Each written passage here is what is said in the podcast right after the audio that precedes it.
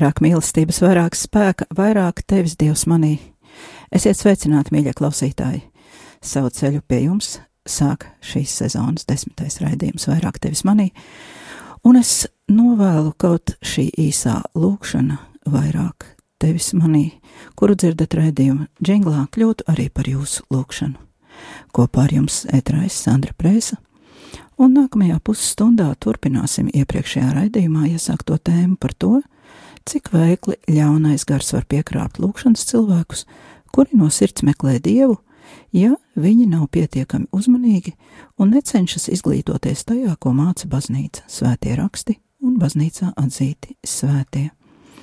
Iepriekšējā raidījumā nedaudz ielūkojāmies katoliskās baznīcas garīguma vēsturē un lasījām fragmentus no dominikāņu teologa Jordana Omena darba par kādu herēzi, kura saucas kvietisms.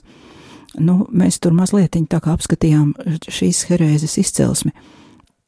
Eh, Savukārt šovakar palasīsim dažu garīgās dzīves meistaru pieredzi, kas nav dominikāņi, lai saprastu, kā gan šī herēze varētu apdraudēt mūsu tiešā un netiešā veidā, šodien un tagad, un kā tā arī var veicināt klerikālismu baznīcā, par kuru pāvests saka, ka tas ir visu nelaimju sakne un avots, un arī kā šis kvietisms varētu būt saistīts ar uh, vardarbību, par kuru mēs esam runājuši iepriekšējos raidījumos, tātad nevien ar fizisku vai seksuālu, bet vispirms ar savas varas un stāvokļa ļaunprātīgu izmantošanu, kas arī ir viens no vardarbības veidiem.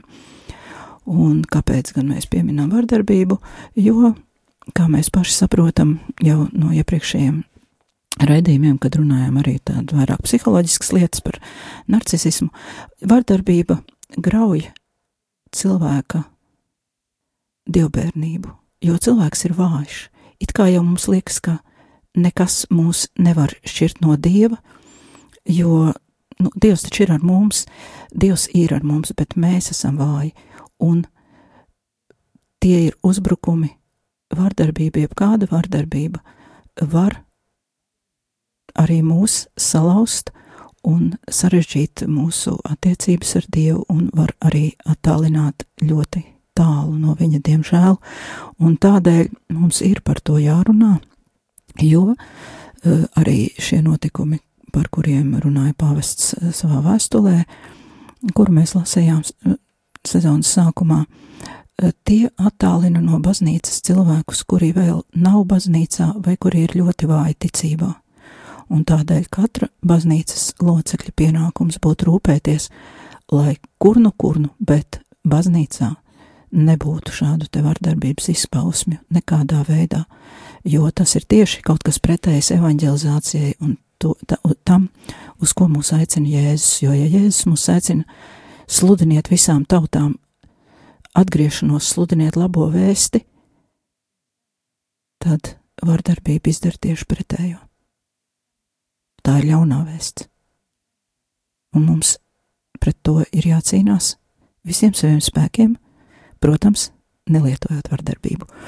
Un tagad lūksimies, lūksimies atkal ar pāvesta Benedikta vārdiem, jo šī lūkšana ļoti, ļoti labi raksturo to situāciju, kas patreiz baznīcā ir, un mums tā ir jāapzinās, jo citādi mēs neko nevaram izdarīt, lai šī situācija mainītos. Ja, mums, ja mēs to neapzināmies, jā, tad mēs paliekam pasīvi, jo tas mūs neskar. Tātad lūksimies Dieva tēva un dēla un svētā gara vārdā Āmen. Kungs, tava baznīca bieži liekas kā slīkstošs kuģis, kurā ūdens smeļas iekšā no visām pusēm. Tavos laukos ir vairāk nezāļu nekā kviešu. Tavas baznīcas dubļos novārtītās drēbes un seja rada mūsos apjukumu un neizpratni. Bet tie esam mēs paši, kas tās esam novārtījuši. Tie esam mēs paši, kas esam tevi nodevuši atkal un atkal, neskatoties uz mūsu cēlajiem vārdiem un dižanajiem žestiem. Apžēlojies par savu baznīcu. Ādams tās iekšienē joprojām turpina krist. Kad mēs krītam, mēs nogāžam tevi dubļos, un sātans smejas, jo viņš cer, ka tu nespēsi vairs piecelties pēc tāda kritiena. Viņš cer, ka tavs baznīcas kritiens būs tevi tik ļoti ievainojis, ka tu paliksi guļam un vairs necelsies. Bet tu no jauna augšām celsies, tu esi piecēlies, tu esi augšām cēlies un vari augšām celt arī mūs. Sargi un svētī savu baznīcu, sargi un svētī mūs visus. Āmen! Un tagad palūksimies lūkšanu tavā patvērumā, latīņu valodā. Praise.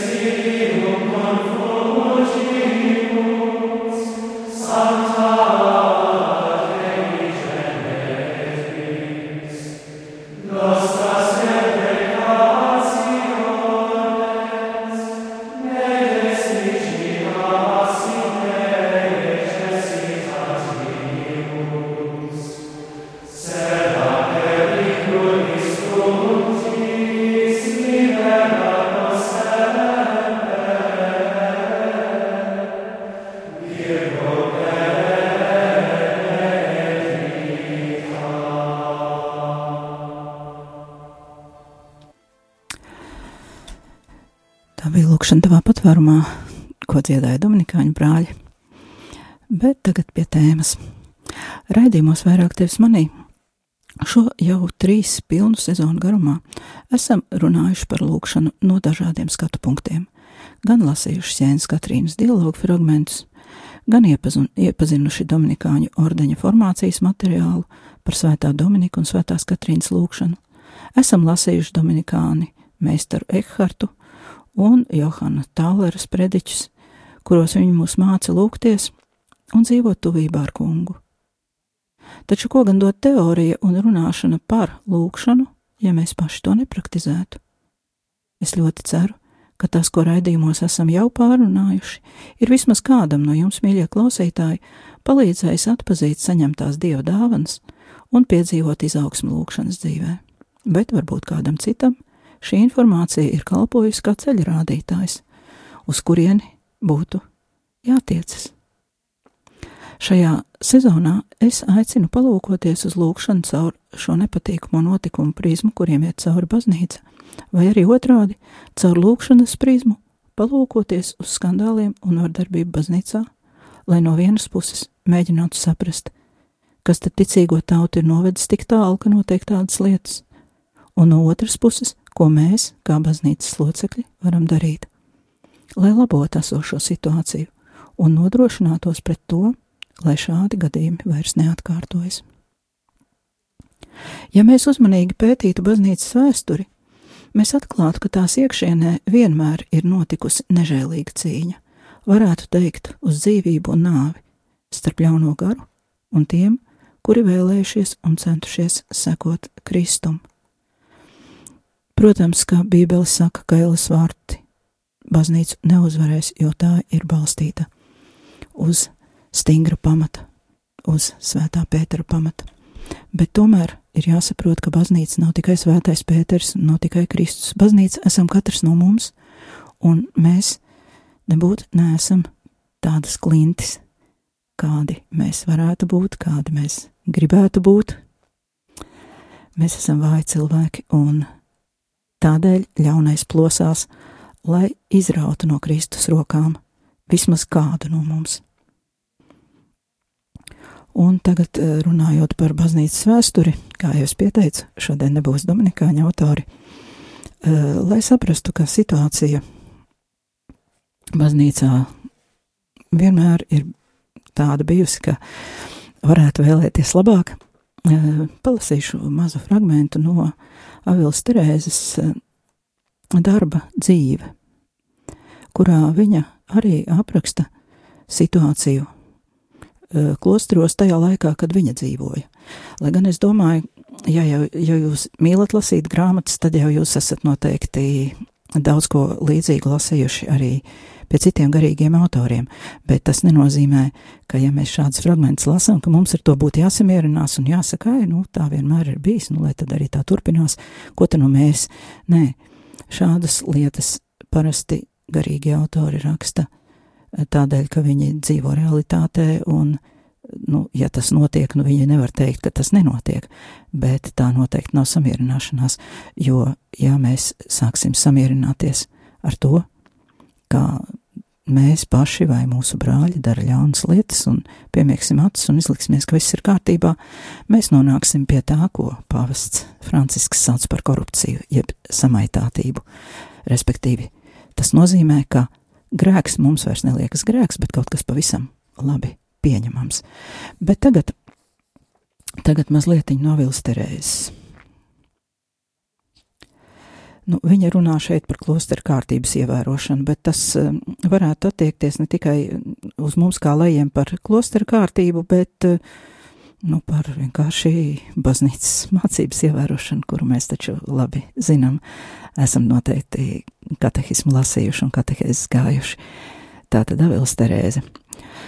Ak, cik liels, jā, cik milzīgs ļaunums ir tas, ja klosterī netiek pilnīgi ievērota klosteru kārtība. Es šeit nerunāju tikai par sieviešu klosteriem, bet par vīriešu klosteriem arī. Jo klosterī ir divi ceļi. Pirmais - likumu un regulas ievērošanas ceļš, un otrais - netikumu un regulas neievērošanas ceļš. Un pa abiem šiem ceļiem ir vienādi daudz gājēju. Nē, es slikti izteicos, nav gan vienādi daudz gājēju, jo mūsu grēku dēļ arvien vairāk ir to, kas dodas pa nepilnības ceļu. Un tā kā tas ir platāks, tad pa to arī labprātāk iet. Patiesā klostera dzīve tiek ievērota tik maz, ka tam mūkam vai mūķenei, kas no tiesas izšķirtos sekot savam aicinājumam, būtu vairāk jābīstas no tiem, kas kopā ar viņu dzīvo klosterī, nekā no visiem ļaunajiem gariem kopā. Turklāt tādiem, ir vairāk jāpiesargās un jāievēro atturība runājot par draudzību, kuru viņi vēlētos ar Dievu, nekā pret visām citām draudzībām un mīlestībām, ko ļaunais gars uzkurina klosteros. Es nezinu, kāpēc mēs brīnāmies par visu to slikto, kas notiek baznīcā, ja tie, kam būtu jārūpējas par to, lai visi citi pieaug tikumos, ir pavisam aizmirsuši par ieguldījumu, ko pagātnes svēto gars ir atstājis klosteros. Kaut dievišķajai majestātei patiktu to novērst tādā veidā, kādā viņš to uzskata par vajadzīgu. Āmen. Tā Avils Terēze.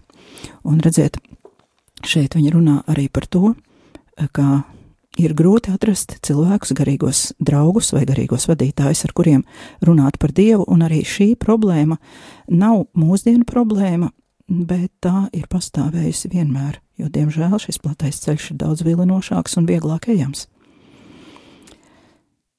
Jā, un Terēze arī saka šī fragmenta nobeigumā, kā dievišķajai majestātei patiktu to novērst tādā veidā, kādā viņš to uzskata par vajadzīgu.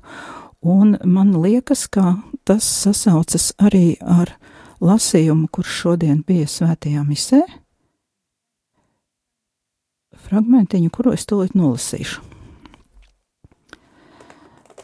Tajā laikā Jēzus sacīja saviem mācekļiem: Tas ir neiespējami, ka nenāktu iejaunojumi, bet bēda tam, caur kuru tie nāk.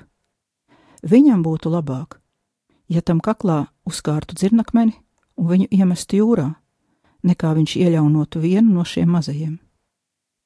Uzmaniet paši sevi. Tā mums saka Jēzus. Tā tad Jēzus nesaka, ka mums ir jāsamierinās ar to. Viņš saka, lai mēs uzmanamies, lai mēs paši tādi nekļūtu. Lūk, un uh, turpinājumā šim fragmentam Jēzus turpina vēl interesantu pamācību. Ja tavs brālis ir sagrēkojis, tad aizrādi viņam, un ja viņš nožēlo, tad viņam piedod. Un ja viņš septiņreiz dienā grēkotu pret tevi un septiņreiz vērstos pie tevis sacīdams, es nožēloju, tad piedod viņam. Un tad apstuļi sacīja kungam, pavairo mums ticību. Bet kungs atbildēja, ja jums būtu ticība kā sinepju graudiņš, jūs sacītu šim zīdkokam, izrojies ar saknēm un pārstādies jūrā, un tas jums paklausītu. Lūk, cik daudz vienā mazā fragmentiņā var pateikt, un mēs redzam arī to, ka Jēzus uzskata, ka mums ir jāizrāda savam brālim. Tātad šis Avilas Terēzes novēlējums, lai Dievs risina problēmas klosteros ar priesteriem, un es piebildīšu, protams, arī ar lajiem, kuri domā, ka viņi ir kristieši, bet patiesībā dzīvo staigādami pa plato ceļu, kā saka Terēze. Tātad mēs, mums nav pienākums klusēt un ļaut, lai tas viss notiek. Jo pats Jēzus saka, ja tu redzi, ka brālis grēko, aizrādi viņam. Un piedod, ja viņš nožēlo. Un te ir vēl viena lieta, ar kuru, par kuru ir vērts padomāt, varbūt ne šovakar, bet mēs vispār esam arī par to jau mazliet runājuši. Tātad par šo piedāšanu, piedošanu tad, ja brālis nožēlo. Un ļoti daudz ļaunuma ceļas no tā, ka mēs gribēdami būt ļoti, ļoti labi kristieši, piedodam cilvēkiem, kuri nenožēlo, paliekam ar viņiem kopā, ļaujam, ka viņi turpina darīt ļaunos darbus, un tikai piedodam, un piedodam, un piedodam, un viņi grimst arvien dziļāk purvā, jo viņi nav neko nožēlojuši, viņi nav labojušies, viņi tikai turpina darīt ļaunu. Tā kā arī šeit ir viela pārdomām. Bet tagad, tagad atgriezīsimies atkal pie tā paša kvietisma un lūkšanas, par kuru es jau minēju sākumā, ka mēs šodien vēl mazliet paskatīsimies. Un tā tad, kas tad tur īsti ir ar šo herēzi? Um, šī herēze vēsturiski uh, skāra tos cilvēkus, kuri pazina kontemplatīvu lūkšanu cilvēkus, kuri bija, bija saņēmuši šo kontemplatīvās lūkšanas dāvanu, bet eh, vai nu ļaunā uzbrukuma dēļ, vai nu sava vājuma dēļ, vai zināšanu trūkuma dēļ, viņi eh, šo lūkšanu tā kā skaidroja neatbilstoši, var teikt, neatbilstoši baznīcas mācībai, neatbilstoši svētiem rakstiem, neatbilstoši tam, kā baznīca saprot garīgo dzīvi Un tādēļ izveidojās šī herēze, eh, bet eh, runājot par mūsdienām, eh, vēl viena tāda, mēs varētu teikt, neokvietisms, kas ir vēl varbūt ļaunāks, nezinu, mm, varētu rasties tad, kad cilvēks tikai domā, ka viņam ir kontemplatīvā lūkšana.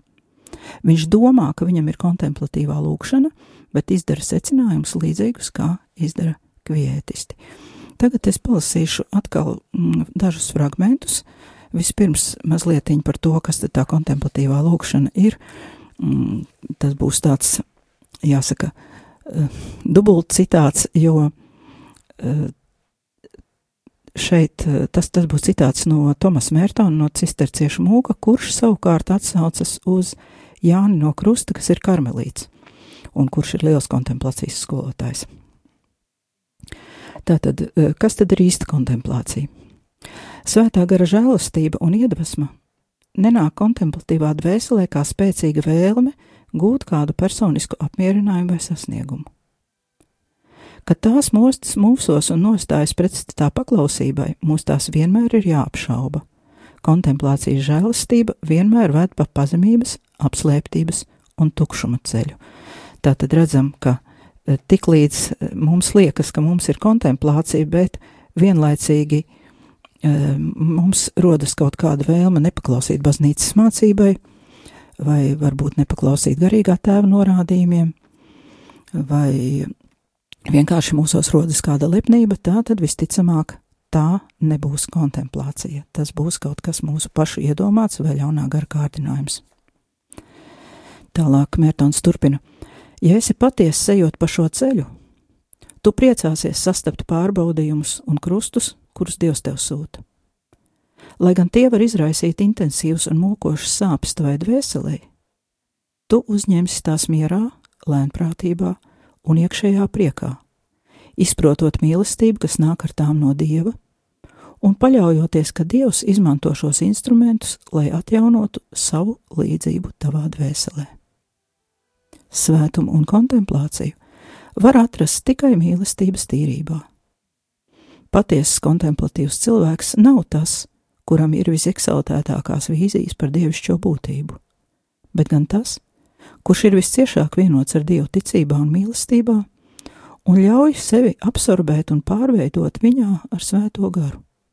Šādai dvēselē itin viss kļūst par mīlestības avotu un par iespēju. Un lūk, šeit arī mm, Tomas Mērtons runā par to, ka eksaltētas vīzijas nav pats augstākais garīgums, un tās varbūt pat vispār nesaistītas ar kontemplāciju un ar Dievu. Un e, tieši to pašu tajā laikā, kad radās šī kvietisma herēze, kad dzīvoja Mēsters Ekhards, tas bija 13. 14. gadsimts, kad dzīvoja um, Henrijs Suzo, um, Dominikāņu diezgan slavens garīgais autors. Tajā laikā bija šīs te uh, begīņu, jau, ko es iepriekšējā redzījumā teicu, begīņu un begāra apvienības, jeb ubagotāju lai, kur veidoja kopienas, kuri daudz lūdzās, un ņemot vērā to, ka viņiem nebija nekādas izglītības, vismaz viņi nezināja latīņu valodu, viņi nevarēja lasīt svētos rakstus un tam līdzīgi, tad uh, nāca tāda, tāda tā kā mode pēc vīzijām, kad cilvēki vienkārši centās saņemt šīs vīzijas, un tajā laikā Dievs arī Nu, laikam dāvāja cilvēkiem tādas, tāpēc, ka, ja viņi nespēja ne lasīt, ne, ne saprast arī priesteris prediķis, kur tik runāt latīņu valodā, un tauta šo valodu nezināja, cilvēki tiešām bieži saņēma kaut kādus redzējumus vai vīzijas no Dieva, jo Dievs jau savu tautu neatstāja pavisam neziņā un tumsā, viņš viņiem sūta kaut kādu, kaut kādu zināšanu, kaut kādu saprašanu. Taču Šīs vīzijas bieži tika pārprastas, bieži, kā mēs runājam, īpaši sievietes, kas ir ļoti emocionāls, eh, viņām šādas vīzijas varēja rasties arī vienkārši emociju rezultātā, un tādēļ arī jau tajā laikā garīgie skolotāji ļoti nopietni runāja par to, ka nevajag tiekties pēc vīzijām, nevajag tādas meklēt, un nevajag arī šādām vīzijām uzticēties, jo visbiežāk tas ir kaut kas pavisam nenodieva. Visbiežāk. Ja tas ir no dieva, tad tur ir ļoti, ļoti, ļoti jākonsultēs ar garīgo tēvu, ļoti jāpēta tā situācija, un katrā gadījumā eh, tas nedrīkstētu būt par pamatu lepnībai, lielībai un stāstīšanai draudzē publiski, jo, ja rodas šādas vēlmes, tad vīzijas noteikti nebūs īstas. Lūk, tas būtu par, par to vēsturisko pusi, bet tagad uh, gribētu turpināt ar to, ko es uh, atļaujos dēvēt par tādu neokvietismu, uh, jo šādas izpausmes, kā tālāk runā Mērtons, ir iespējams ne tikai cilvēkiem, kuriem ir patiesa kontemplācija un kur ir krituši maldos, bet tādas iespējas vēl vairāk var būt cilvēkiem, eh, kuri ir tikai iedomājušies, ka viņiem ir kontemplācija. Lūk, eh, Svētā Jāņa no Krusta arguments ir šāds. Aktivitātes, kuras izraisa mūsu pašu gribu un ambīcijas, tiks apgrūtinātas ar nepilnībām un vienmēr traucēs mūsu dvēseles vienotībai ar Dievu.